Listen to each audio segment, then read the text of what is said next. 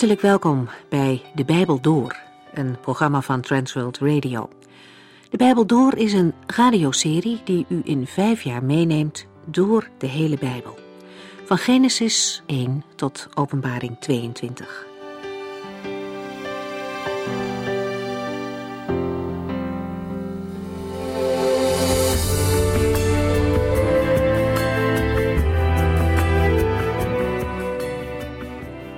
We zijn nog steeds bezig met Genesis. En in deze uitzending gaan we verder met hoofdstuk 24, waar we over het begin van een mooie liefdesgeschiedenis lezen.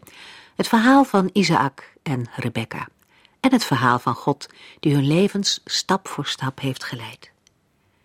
De knecht van Abraham is erop uitgestuurd om een bruid voor Isaac te zoeken, ver weg in het land waar Abraham vandaan kwam. Het was niet de bedoeling dat Isaac trouwde met een meisje uit Canaan, een meisje dat de Heere God niet vereerde. Isaac, door wie het volk van God verder zou ontstaan, had een vrouw nodig met wie hij samen de enige ware God kon dienen. Dat is het uitgangspunt om een man of vrouw te vinden waarmee je je leven verder wilt delen. Wanneer je dan door het verhaal heen gaat, is het mooi om te zien hoe God betrokken is bij het leven van deze mensen. De Heere is geïnteresseerd in met wie je trouwt. Al in het begin van de Bijbel bij Adam en Eva zien we dat God betrokken is bij man en vrouw. Hij geeft Adam een vrouw die bij hem past. Die zorg van God voor een man en vrouw is er ook vandaag de dag. Wat een zegen is het om Gods leiding te volgen wanneer je een relatie begint. Het is wijs ook om de keuzes daarin in afhankelijkheid van de Heer te maken. De Heer geeft duidelijkheid in de beslissingen die je moet nemen wanneer je hem daar eerlijk en oprecht om vraagt. Maar dan moet je ook bereid zijn om hem te gehoorzamen. In Genesis 24 zien we dat terug. De knecht vraagt of hij Isaac eventueel terug moet brengen naar het oude land, wanneer het meisje niet met hem mee wil komen. Maar Abraham is daar heel stellig in. Beslist niet. Nooit terug naar het leven waarin je God nog niet diende. Hij laat echter ook meteen zijn vertrouwen op God zien en zegt: Je kunt er zeker van zijn dat God je zal leiden. De knecht gaat op pad en we zien dat God hem inderdaad de goede weg wijst. Hij ontmoet Rebecca, de vrouw die God uitgekozen heeft voor Isaac. Vandaag kijken we even binnen hoe het in haar ouderlijk huis eraan toe ging. En zo leren we een vrouw kennen die beslissingen durft te nemen.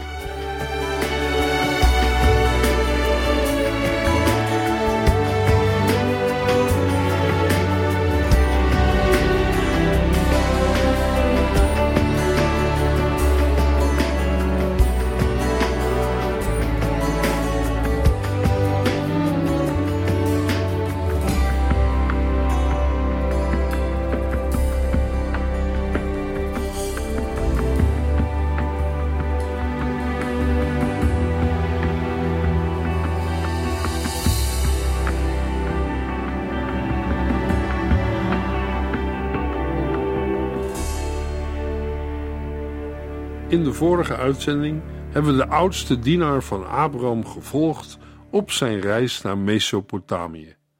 Abraham stuurt zijn trouwe dienaar naar het land Haran in Mesopotamië, het huidige Irak, om voor zijn zoon Isaac een vrouw te gaan zoeken. Isaac mag niet trouwen met een Canaanitische. De reden wordt hier niet genoemd, maar het ligt voor de hand te denken aan vermenging. Vermenging wordt later uitdrukkelijk verboden vanwege het dienen van afgoden. We hebben gezien dat hij voorspoedig is in zijn zoektocht. En bij een waterput vindt hij Rebecca. Als Rebecca thuiskomt en haar broer Laban de geschenken ziet die ze heeft gekregen, gaat ook hij naar de waterput om de dienaar van Abraham welkom te heten. Na het welkom en het voeren van de dieren volgt een maaltijd. Genesis 24, vers 33. Daarna gingen zij aan tafel. De dienaar weigerde echter te eten. Voordat ik eet, wil ik eerst vertellen waarom ik hier ben, zei hij. Laban stemde toe. Gewoonlijk wordt er eerst gegeten voordat een gast zijn verhaal doet. Maar als het doel van zijn bezoek is het verwerven van de hand van een dochter voor zijn opdrachtgever, dan zal de vertegenwoordiger weigeren te eten voor hij zijn opdracht heeft uitgevoerd. Daarom horen we de dienaar van Abraham zeggen: Voordat ik eet, wil ik eerst vertellen waarom ik hier ben. Dit verlangen is ook karakteristiek voor de Heilige Geest. De Heilige Geest wil voor alles vertellen over Hem die in de wereld gekomen is, de Heer Jezus Christus. Dat is, wat God betreft, het voornaamste. Vanuit mensen gezien zijn er een heleboel andere dingen die ook erg belangrijk zijn, maar niet voor de Heere God. Wat voor God van buitengewoon belang is? Zijn evangelie aan de volken van de wereld bekend te maken. Dat is de eerste opdracht van de Heilige Geest.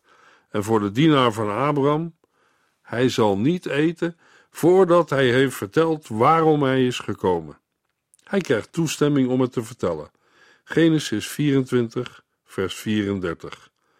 Ik ben de dienaar van Abraham, begon de man zijn verhaal. Het valt op dat de dienaar zijn naam niet noemt. Hij spreekt niet namens zichzelf. Dat is hetzelfde wat de Heer Jezus zei over de Heilige Geest. Als hij komt, zal hij niet uit zichzelf spreken, maar hij zal u vertellen wat hij van mij hoort. Johannes 16, vers 13 tot en met 15. De Heilige Geest is niet gekomen om over zichzelf te spreken, maar is gekomen om te spreken over een ander, over Christus. Net zo wordt de dienaar van Abraham niet bij name genoemd. Genesis 24, vers 35.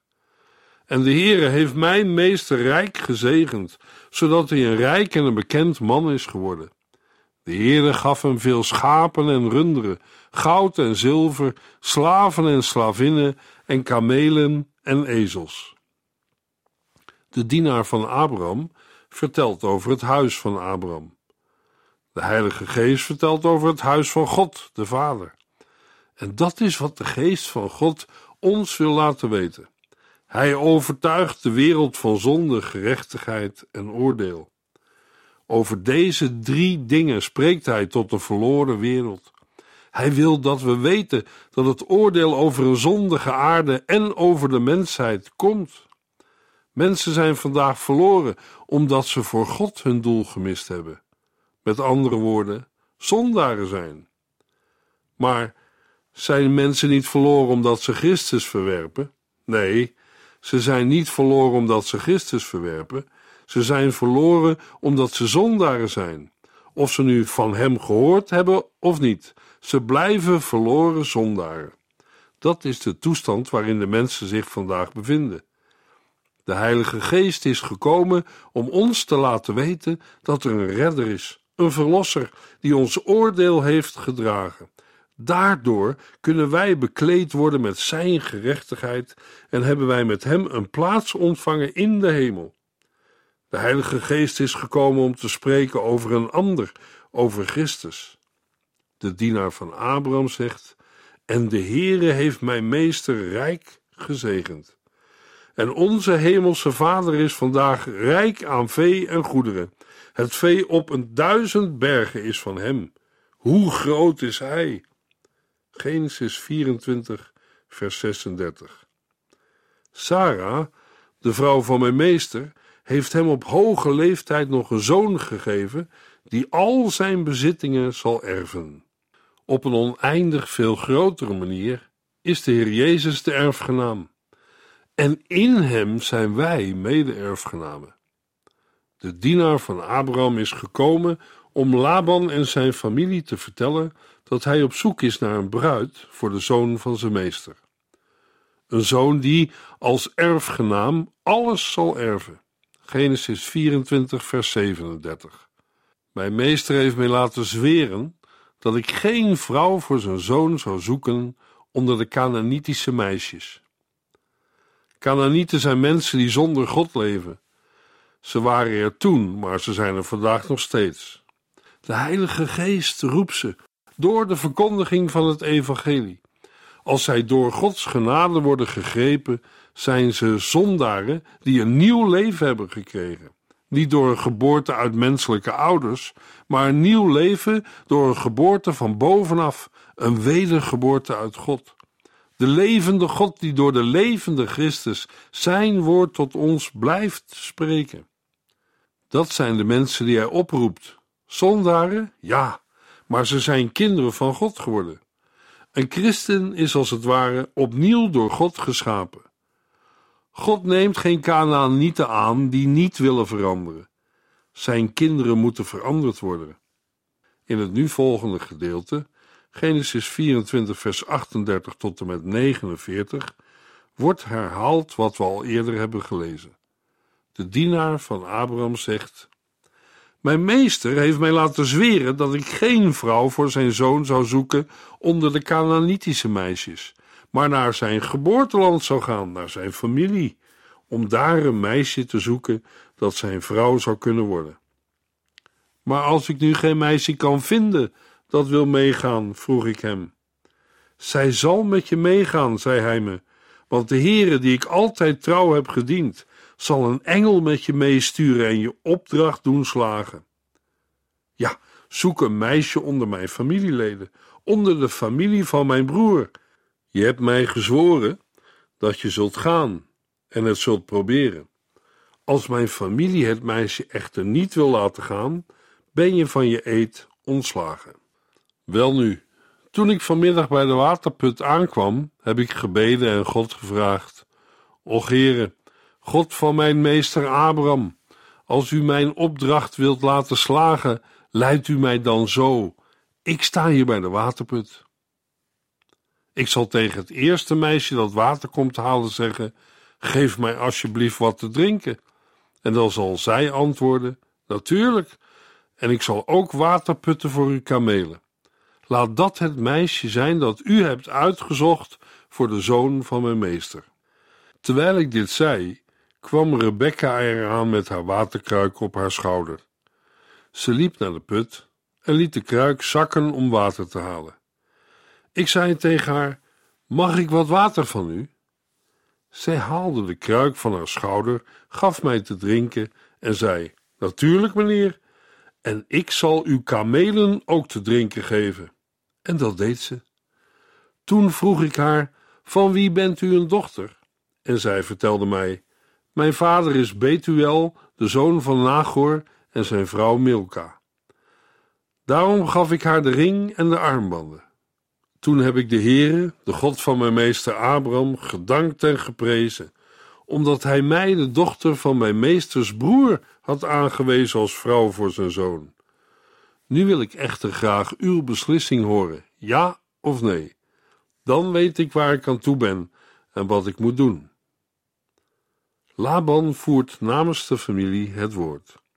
Genesis 24, vers 50 en 51. Laban en Betuel antwoorden: Het is duidelijk dat de Heere hier de hand in heeft. Dus wat moeten wij nog zeggen? Neem haar maar mee en laat haar de vrouw van uw meesters zoon worden, want zo wil de Heer het. Laban en Betuel geven hun reactie. Wat ons betreft is dit van de Heere. Neem haar maar mee. Genesis 24, vers 52 en 53.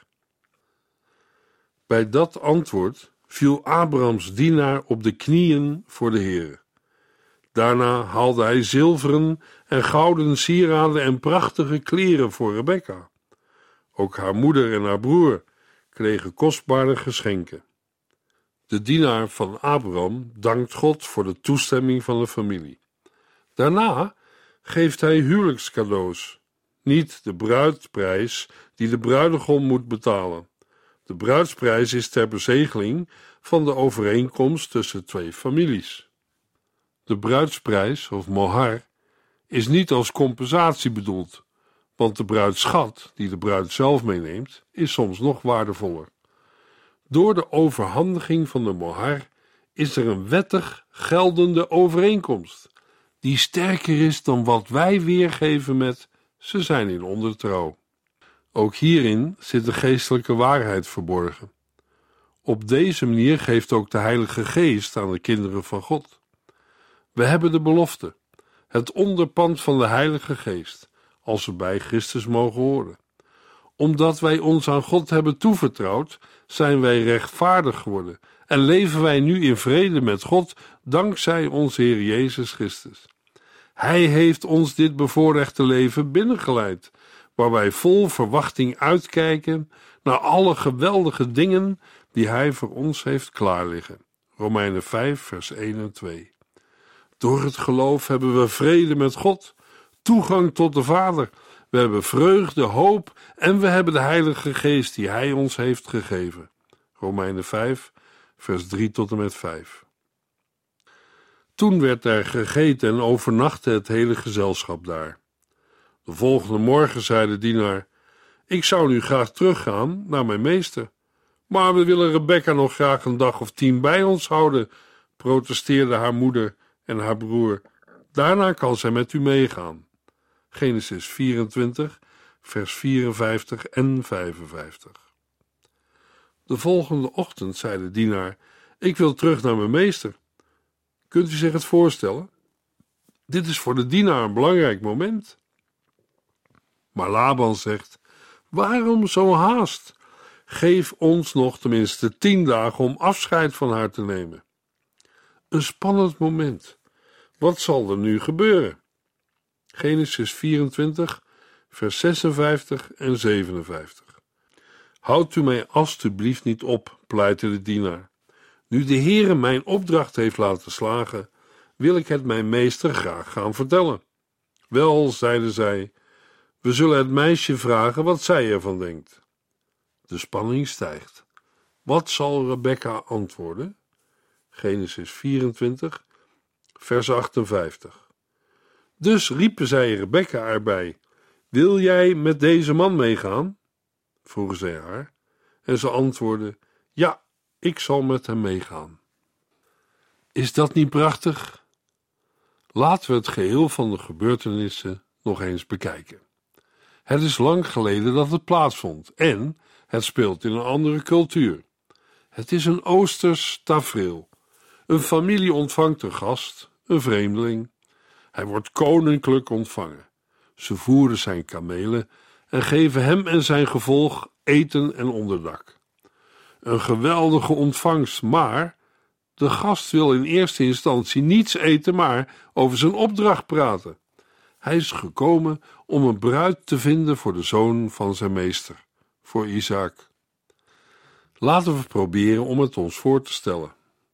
De gast haalt geschenken tevoorschijn om ze aan de aanwezigen te geven: gouden en zilveren sieraden.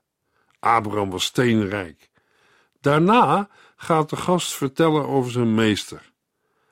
Terwijl hij aan het woord is, kijk ik in gedachten de familiekring rond. Ik zie op de achtergrond, net achter de anderen, een heel mooie jonge vrouw staan. Ze luistert gespannen. Ze hoort vertellen over Abraham en hoe Isaac is geboren. Zijn geboorte is een wonder. Dan vertelt de gast over de dag dat Abraham zijn zoon Isaac meenam naar de top van de berg Moria. Hoe God hem spaarde en hem weer levend aan zijn vader teruggaf. Ten slotte vertelt hij hoe Abraham hem, de oudste dienaar, naar hier gestuurd heeft om een bruid voor Isaac te zoeken. Want Abraham wilde voor Isaac geen bruid uit het volk van de Canaanieten. Nee, hij wil een vrouw voor Isaac vinden die bij hem past. Een vrouw met eigenschappen en een instelling die bij een man passen die God wil dienen en volgen. Rebecca heeft de hele tijd staan luisteren. En nu? Nu kijkt iedereen naar haar. Daarvoor hebben we, na de ontmoeting bij de waterput, niet veel van haar vernomen of gehoord. Alle ogen zijn op haar gericht. Rebecca, wat vind jij? Wil je met deze man meegaan? Het antwoord is verrassend. Ze dekt zich niet in, ze geeft ook geen vaag antwoord, ze draait er niet omheen, ze zegt direct: Ik zal meegaan. Is het u wel eens opgevallen dat toen Jezus zijn discipelen riep, zij ook onmiddellijk een beslissing namen? Ze lieten hun netten vallen en volgden hem. Zeker, het was een heel proces. Maar er kwam een dag waarop ze hun netten loslieten en er nooit meer naar terugkeerden. Ze volgden hem. Ze gingen met de Heer Jezus mee. Dat was toen. Maar de Heilige Geest roept vandaag nog steeds. Hij roept vandaag mensen om volgeling van de Heer Jezus te worden. Hij is degene die de plaats van de oudste dienaar heeft ingenomen. God, de Vader en de Heilige Geest zenden de Zoon, de Heer Jezus Christus, in de wereld om voor de wereld te sterven. Met Pasen wordt dat nog steeds gevierd. Toen de Zoon, de Heer Jezus Christus, terugkeerde naar de hemel, christenen vieren dat met hemelvaart, zei de Heer Jezus dat Hij de Heilige Geest, de trooster, zou zenden. Dat heeft Hij met Pinksteren gedaan. De Heilige Geest is in de wereld gekomen en Hij roept mensen op tot navolging. Hij zegt: Wil je gaan? Hier is degene die voor u stierf. Hij heeft zijn leven voor je gegeven. Hij is de enige die je kan redden. Hij wil je verlossen. Je mag bij hem komen zoals je bent. Je hoeft je niet beter voor te doen. De vraag is: wil je gaan? Zul je de uitnodiging aanvaarden? Zult u of jij je vertrouwen stellen op de Heer Jezus Christus en Hem als uw persoonlijke heiland vertrouwen? Wat zal u, wat zal jouw keuze zijn? Genesis 24, vers 59 en 60. Toen namen ze afscheid van Rebekka en zegende haar met de woorden: Onze zuster, mogen jij de moeder van miljoenen worden en mogen je nakomelingen al hun vijanden overwinnen. De zegen voor Rebekka is vervuld. Zij is de stammoeder van een groot volk geworden. Ze gaan op pad en terug naar het beloofde land. Genesis 24, vers 61. Rebekka en de vrouw die haar als baby verzorgde en de andere dienaressen zadelden hun kamelen en gingen met Abrams dienaar mee. Ze hadden nog een lange tocht voor de boeg. Over de tocht zelf wordt niets verteld. We kunnen wel proberen ons er iets bij voor te stellen. Een kameel is niet gemakkelijk te bereiden. Als we daarbij ook bedenken dat het hele gevolg dwars door de woestijn moest, dan kunnen we ons voorstellen, na een zware dag van reizen, dat ze s'avonds bij een oase aankomen. Het kampvuur wordt aangelegd en de maaltijd klaargemaakt en gegeten. Voordat iedereen gaat slapen, zitten de mannen rond het kampvuur. Terwijl ze daar zitten, hoor ik Rebecca aan de dienaar van Abraham vragen: Kunt u mij nog iets meer vertellen over Isaac? Iets van die tocht met zijn vader en het offer op de berg Moria. De dienaar zegt: Gisteravond vertelde ik het al, maar Rebecca wil het nog een keer horen. Die nacht droomt Rebecca van het moment waarop ze Isaac zal ontmoeten. De volgende dag gaan ze verder, totdat ze tenslotte bij het beloofde land aankomen. Genesis 24, vers 62. In de tussentijd was Isaac, die in de Negev woonde, naar de bron Lachai gereisd. Dat was in de buurt van Kades Barnea, in het gebied van Hebron en Beersheba. Genesis 24, vers 63. Op een avond liep hij buiten om rustig te kunnen bidden en nadenken. Toen zag hij in de verte kamelen aankomen. Over Abraham wordt nu niet gesproken, ook al was hij in het begin van dit hoofdstuk de opdrachtgever. Isaac wordt de nieuwe hoofdpersoon. Genesis 24, vers 64 en 65. Ook Rebecca had Isaac gezien en liet zich van haar kameel glijden. Wie is die man die ons door de velden tegemoet komt? vroeg zij de dienaar van Abraham. Dat is de zoon van mijn meester, was zijn antwoord. Daarop liet Rebecca haar sluier voor haar gezicht vallen. In die tijd kreeg de bruidegom, voor de voltrekking van het huwelijk, het gezicht van de bruid niet te zien. In de Bijbel wordt de gemeente als bruid van Christus aangeduid. Ook gelovigen zullen, als de bruid van Christus, bekleed moeten worden. Bekleed met de gerechtigheid van Christus, die Hij ons heeft geschonken. Hij werd voor onze zonden en overtredingen overgeleverd en schuldig verklaard. Hij verzoende de zware schuld en stond op uit de dood. Tot onze rechtvaardiging is hij opgewekt, zodat wij een gerechtigheid mochten ontvangen die ons in staat stelt om rein en heilig voor God te staan. Daarop liet Rebecca haar sluier voor haar gezicht vallen. Gedurende de lange reis is Rebecca veel over Isaac te weten gekomen. Nu zal ze hem persoonlijk ontmoeten. Ze zal hem zien van aangezicht tot aangezicht. Een christen die zijn heiland verwacht, is in eenzelfde positie. Petrus zegt in zijn eerste brief, hoofdstuk 1, vers 8: Ook al hebt u hem nog nooit gezien, toch houdt u van hem. U vertrouwt op hem, hoewel u zich geen voorstelling van hem kunt maken. Zullen wij de Heer Jezus herkennen als hij terugkomt op de wolken des hemels? Ja, ik denk van wel. Ik denk dat het dezelfde dingen zijn waaraan Thomas herkende dat het de Heer Jezus was die was opgestaan. We zullen Jezus herkennen aan de littekens in zijn handen, voeten en zij.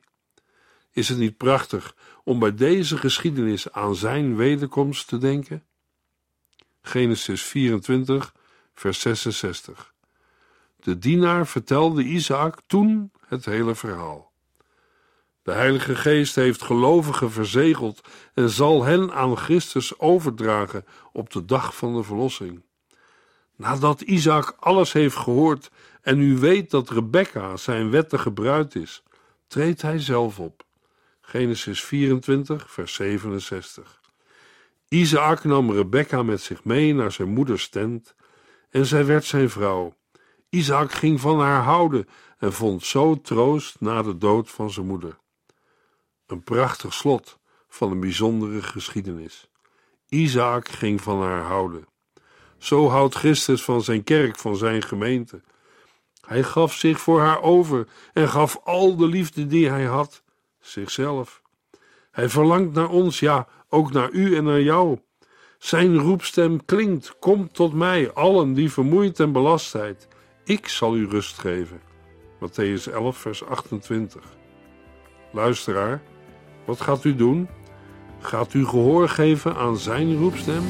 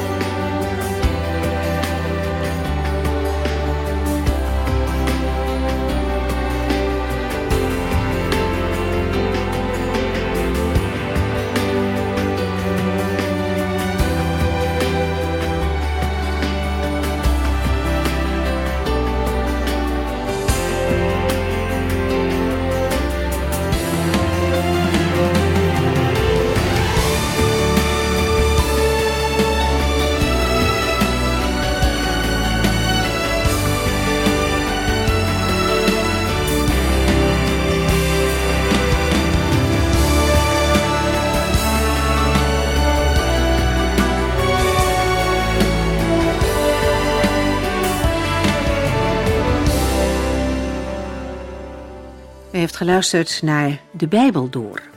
In het Nederlands vertaald en bewerkt door Transworld Radio. Een programma waarin we in vijf jaar tijd de hele Bijbel doorgaan. Als u wilt reageren op deze uitzending of u heeft vragen, dan kunt u contact met ons opnemen. Tijdens kantooruren kunt u bellen op 0342 47 8432. 0342 47 8432. 32. Ook kunt u een e-mail sturen naar de Bijbel transworldradio.nl en natuurlijk kunt u ook via de post ons bereiken. TWR, postbus 371, postcode 3770, AJ in Barneveld. Dit programma werd gepresenteerd door Cor Weda en Ike André. Techniek was in handen van Odin van Woerdekom. En wij allemaal bedanken u voor het luisteren. Graag tot de volgende keer.